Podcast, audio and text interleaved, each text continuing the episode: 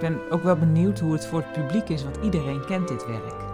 Het was mijn eerste cd'tje wat ik kocht vroeger, volgens mij. Mijn eerste klassieke cd in ieder geval. Waarschijnlijk Naxos of zo, zo'n goedkope uitvoering. Maar voor mij is dat ook jarenlang gewoon de uitvoering geweest. En als ik het dan op een andere manier hoorde, dan was ik echt heel verstoord. Dan denk ik, nee, maar zo moet je dat niet doen.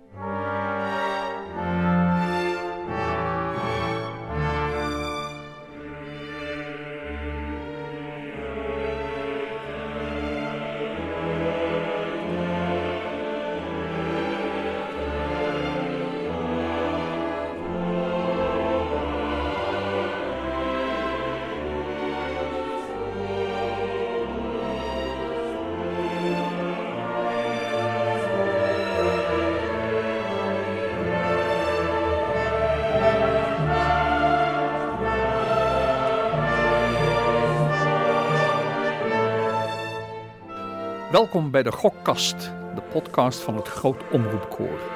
In deze aflevering focussen wij op het Requiem van Mozart, een van de meest geliefde koorwerken. En wat maakt deze compositie zo speciaal? In gesprek zijn leden van het Groot Omroepkoor, tenor Ellen Belk, bariton Jan van Zelm en de alten José Kamminga en Nicolien Bovens.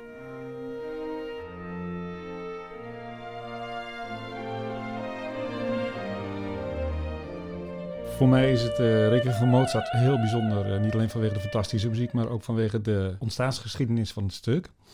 En uh, de plek die het stuk heeft in de biografie van Mozart. Ja, want uh, het is zijn laatste werk natuurlijk. Het is zijn laatste werk en het is ook zo dat hij het niet helemaal zelf heeft kunnen voltooien. Nee. Hij kreeg de opdracht van, uh, van een Oostenrijkse graaf en uh, daar was meteen al de voorwaarde bij dat hij niet mocht onthullen dat, dat hij het schreef. Want en, die... en, dat is een heel interessant verhaal volgens mij, want hij, um, die, die graaf, hij, hij was een beetje een, een soort conman, hè? Hij, hij, wilde alle soorten uh, composities, uh, ja. opdrachten uit, uitgeven. Hij gaf... En hij zijn gaf... namen op, op de partituurs Ja, en zo is het ook gebeurd. Um, dus Mozart heeft eigenlijk op zijn ziekbed, vlak voor zijn dood, de eerste delen geschreven. En is toen overleden en heeft voor een groot aantal delen wel wat notities achtergelaten. De koorpartijen en, en de baspartij. En van de laatste paar delen helemaal niets meer. Nee, vanaf, vanaf de Sanctus, ja. volgens mij is er niks van Mozart geschreven. Ja. En um, er zijn dus leerlingen van Mozart geweest die het afgemaakt hebben, maar die uh, hebben toen de partituur naar die graaf toegebracht. Die graaf heeft de hele partituur overgeschreven in zijn eigen handschrift en uh, heeft toen zijn eigen naam erboven geschreven. Maar eigenlijk is het een heel dramatisch verhaal wat, wat er echt is gebeurd. Hè? Dat, dat nacht voor zijn dood heeft hij zangers laten komen om, de, om de stukken door te zingen wat hij had geschreven. En, uh, en dan uh, van, van, die, van, de, van dat um, stuk van de, van de Lacrimose. Hij, hij heeft maar acht maten geschreven. En volgens mij was hij heel ont, ont, ontroerd uh, ja. bij dat moment. Het is ook een van de meest geliefde delen van het ja. denk ik. Heel herkenbaar voor veel mensen. Ja.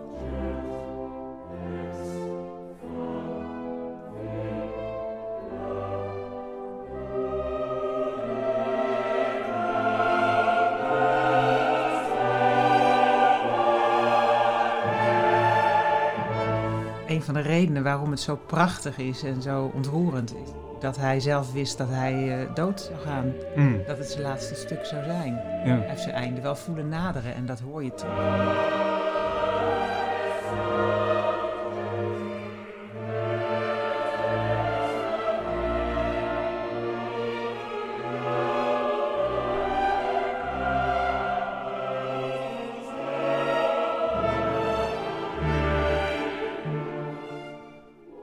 Er zitten ook zoveel kleuren in. Ook al heeft Mozart misschien niet alles zelf uh, uitgeschreven. Maar het Kyrie, voor mij heeft het eigenlijk bijna, wat we dus net hoorden, ja. iets opgewekt zorgeloos. Hè? Het is heel, heel lenig geschreven en ook uh, heel sportief om te zingen.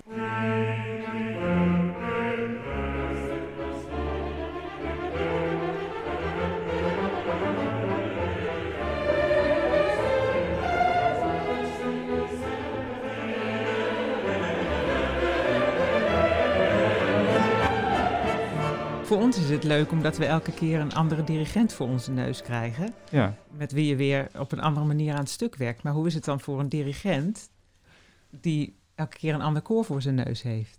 ja. Daar ben ik ook wel benieuwd naar. Ja, en, Ja. en, en ook eh, hoe is het voor een dirigent, eh, meneer Herrewegen, die gespecialiseerd is in oude muziek over het algemeen, om dan met een club als het Grote Omroepkoor te werken, die ook oude muziek zingen, maar ook grotere werken. Dus ook eh, voor hen natuurlijk een uitdaging. Ja, eigenlijk zing- zingen wij in het koor niet zo vaak oud muziek. Hè? Ons, onze wel- koorwerk is romantisch zingen eigenlijk. Eh, eh, Ja, maar wij, moeten alles kunnen, Ja. in die zin. Eh, Het levert soms wel eens dilemma's op. Vorige week deden we het eh requiem van Fauré Ja. met de Chinese dirigent. Ja. En ik moet je zeggen, persoonlijk eh, heb ik het wel even moeilijk gehad. Eh, en, en dus dan heb je het over de opvatting die je als zanger zelf hebt, of die de dirigent heeft. En hij nam tempi die, die echt behoorlijk langzaam waren. En ja, Ja, klopt. de stijl van de muziek. Nou, ik, ik, ik voelde het heel anders aan, zeg maar. Maar ja, mijn taak is als, als koorzanger om die man te helpen om de mooiste muziek te maken die hij kan maken. En daar moet je soms wel eens bij jezelf een beetje eh, ja, bij de les houden van eh, wat is je vak en eh, wat heb je te doen hier. Hmm.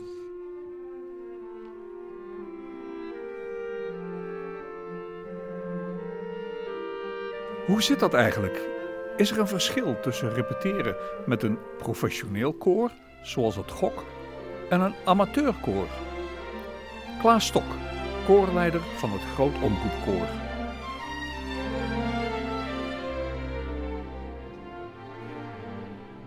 Ja, men denkt vaak dat het werken met professionele koren en amateurkoren eh, heel anders is. Maar eigenlijk verschilt er niet zoveel. Je bent met dezelfde dingen bezig als eh, is het zuiver, eh, spreekt iedereen de tekst goed uit, is de intonatie mooi, eh, is het homogeen, eh, kloppen de tempi, is het gelijk. Eh, al die dingen waar je met een amateurkoor aan werkt, werk je met een professioneel koor ook aan. Ehm, je hebt natuurlijk wel bij prof- professionele koren dat je met eh, beroepszangers te maken hebt die allemaal hun eigen stem hebben, hun eigen kleuring, hun eigen scholing. En daar kan nog wel eens eigenlijk wat meer verschil tussen zitten dan tussen amateurs onderling. Maar je werkt heel erg aan het, eh, aan het samen, eh, samen maken van een klank, samen maken van een, eh, ja, van, een, van een mooie muzikale eenheid. En dat is in beide gevallen hetzelfde, alleen op een iets ander niveau natuurlijk. Ik merk wel dat het slagtechnisch ik voor een orkest ander dirigeer dan voor een koor. Bij een koor ben je toch meer bezig met het fysiek van het zingen. Van hoe ondersteun je een ademhaling van een zanger? hoe adem je mee? Eh, terwijl een orkest vaak meer gebaat is bij heel precieze slag. eh, om de gelijkheid onderling eh, goed te garanderen. Ehm, en als je dat dan samenbrengt, dan is het eigenlijk wel grappig dat het elkaar ook beïnvloedt. Dat zangers de directheid van een orkestdirigent opeens toch ook een beetje meer andere, anders gaan zingen. En dat een orkest soms ook vocalen gaat spelen als je met zangers werkt.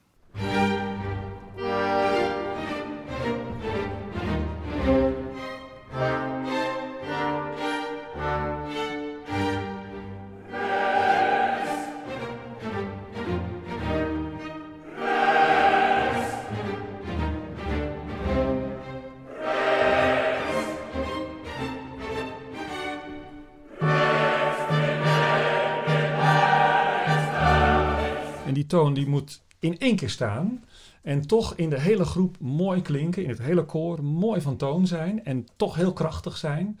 En, en ja, hoe doe je dat technisch gezien? We hadden het net eventjes over tips voor, ehm, voor zangers. Maar ja, misschien... steun, hè? ik denk dat we allemaal daar onze eigen oplossing eh, voor kiezen. Mijn, mijn oplossing is altijd om, het, om, om de adem het werk te laten doen. Hè, de, de, en dirigent zal altijd vragen, die R, die R. En eh, voor mij werkt dat niet op die manier, want een R kan de adem juist helemaal vastzetten. Dus ik denk altijd aan de klinker die daarna komt. Die klinker die wil ik goed voorbereid hebben voordat die R gearticuleerd wordt. En dan kan het goed gebeuren. Ik moet zeggen, ik, ik, eh, ik, ik zing mijn hele leven, maar ik vind het nog steeds heel moeilijk om eh, R te zingen, rood A, op toon. Ik, moet ik moet altijd denken, waar, waar komt dat R, R, R? Is het op de noot of is het...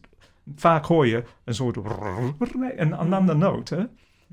Ja, en dan is het ook nog daarna een e-klank. Rex. Ja. In plaats van Rex. Ja. Ja. Is moeilijk. Ja, je moet het je echt goeie- voorstellen van tevoren, die, die noot, anders kun je het vergeten. Ja. Maar het is echt, echt fantastisch geschreven. Dat, het is maar één noot, maar het is zo krachtig. Ja. Het requiem is een van de bekendste vocale werken, met een groot aandeel voor het koor, maar er zit ook een heel beroemde trombone-solo in. Het tuba mirum.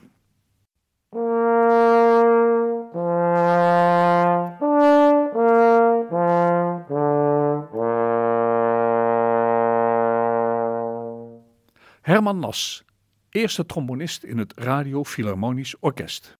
Dit stuk wordt eh, wel altijd gevraagd op eh, audities. Wat ik net zei, ik heb het eh, niet zo vaak in het orkest gespeeld. soms met een, eh, met een snabbel of zo. Eh, maar bij audities is het eigenlijk altijd het eerste stuk wat je moet spelen na het verplichte solowerk.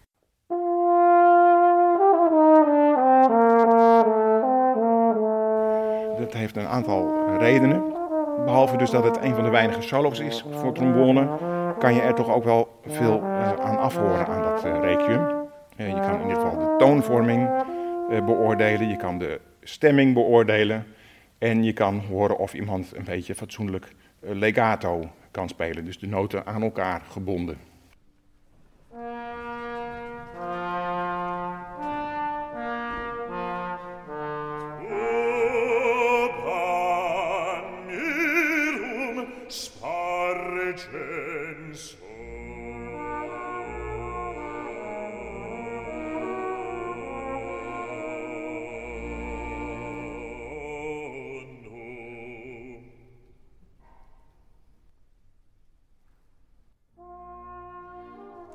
Want weet je, Tuba begint natuurlijk eh, vrij eh, lieflijk en los met een uh, trombone solo. Maar als je dan in het stuk gezogen wordt langzamerhand en je gaat richting tenor, dan wordt het toch wel best bedreigend. En dan gaat de alt ook nog zingen. Dan zal al het verborgene zichtbaar worden. En er gaat echt enorm veel dreiging vanuit. En dat heeft Mozart uh, heel mooi gecomponeerd. En dus echt volkomen tegengesteld aan dat uh, bijna vrolijke Kyrie.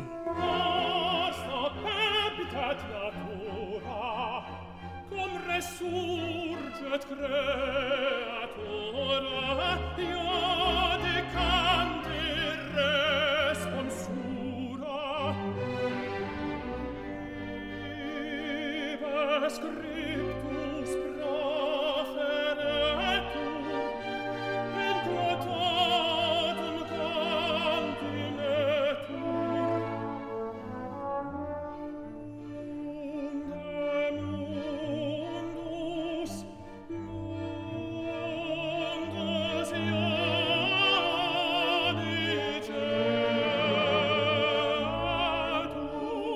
We zitten hier nou met twee alten, een bas en een tenor. Maar ik ben ook benieuwd hoe sopranen hiermee omgaan met dit stuk. Dus laten we eens gaan luisteren naar Maya. Uh, mijn naam is Maya Roosveld. Ik ben sopraan en ik zing al 25 jaar in het uh, Groot Omroepkoor. Dit jaar mijn jubileum mogen vieren. En uh, nou, in die 25 jaar is het Requiem van Mozart gelukkig uh, een aantal keren langsgekomen.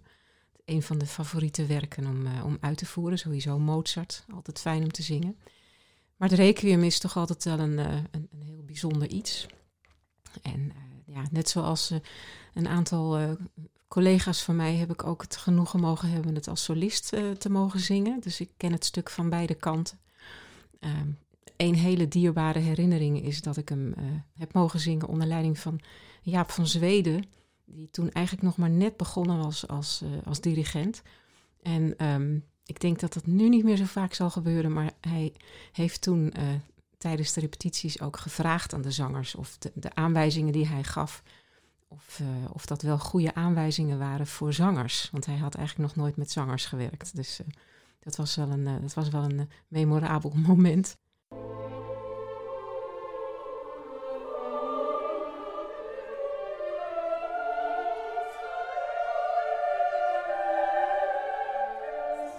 Hebben natuurlijk als sopraan het geluk dat we de melodie mogen zingen.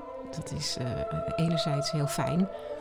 Anderzijds ook tricky, want iedereen kent het. En ehm, je, je staat als sopraan altijd in de kijkert. Het is altijd datgene wat het eerste opvalt. Ehm, dus je moet echt zorgen dat je het goed uitvoert, dat je stem mooi rond blijft. Dat je je adem zo verdeelt dat je de lijnen mooi kunt zingen. Het moet mooi verzorgd klinken, dat mensen echt achterover kunnen leunen en kunnen genieten van dat werk dat ze zo goed kennen. En onze stemmen klinken er nou eenmaal altijd bovenuit.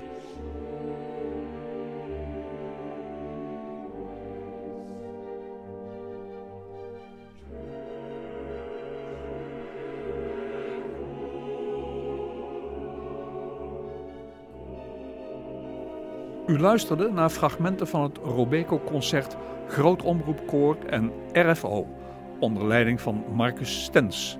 Uitgezonden op 8 juli 2018 vanuit het Concertgebouw in Amsterdam. Deze podcast werd mede mogelijk gemaakt door de vrienden van het Groot Omroepkoor.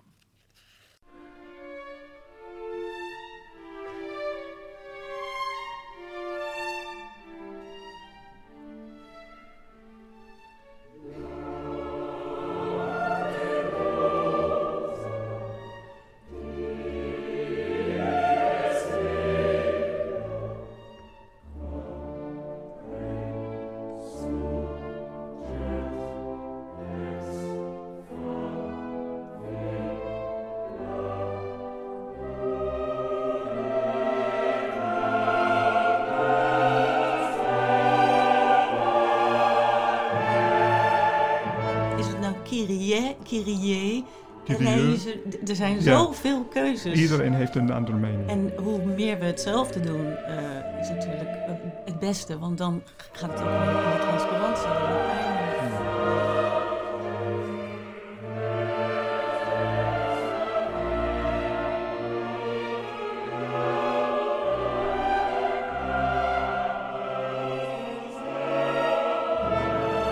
Wat ik altijd de lastigste blijf vinden is de Excelsies Ja. of de Etchelsies. Dat, eh, ik heb in ik bijna moet- al mijn partituren heb ik ergens heel groot bovenaan staan hoe Het ik is een van de moeilijkste variant woorden. Moet... eh, En wat, wat- is de conclusie nu? eh, is, is er een definitieve Excelsius? Ex- ex- Excelsius?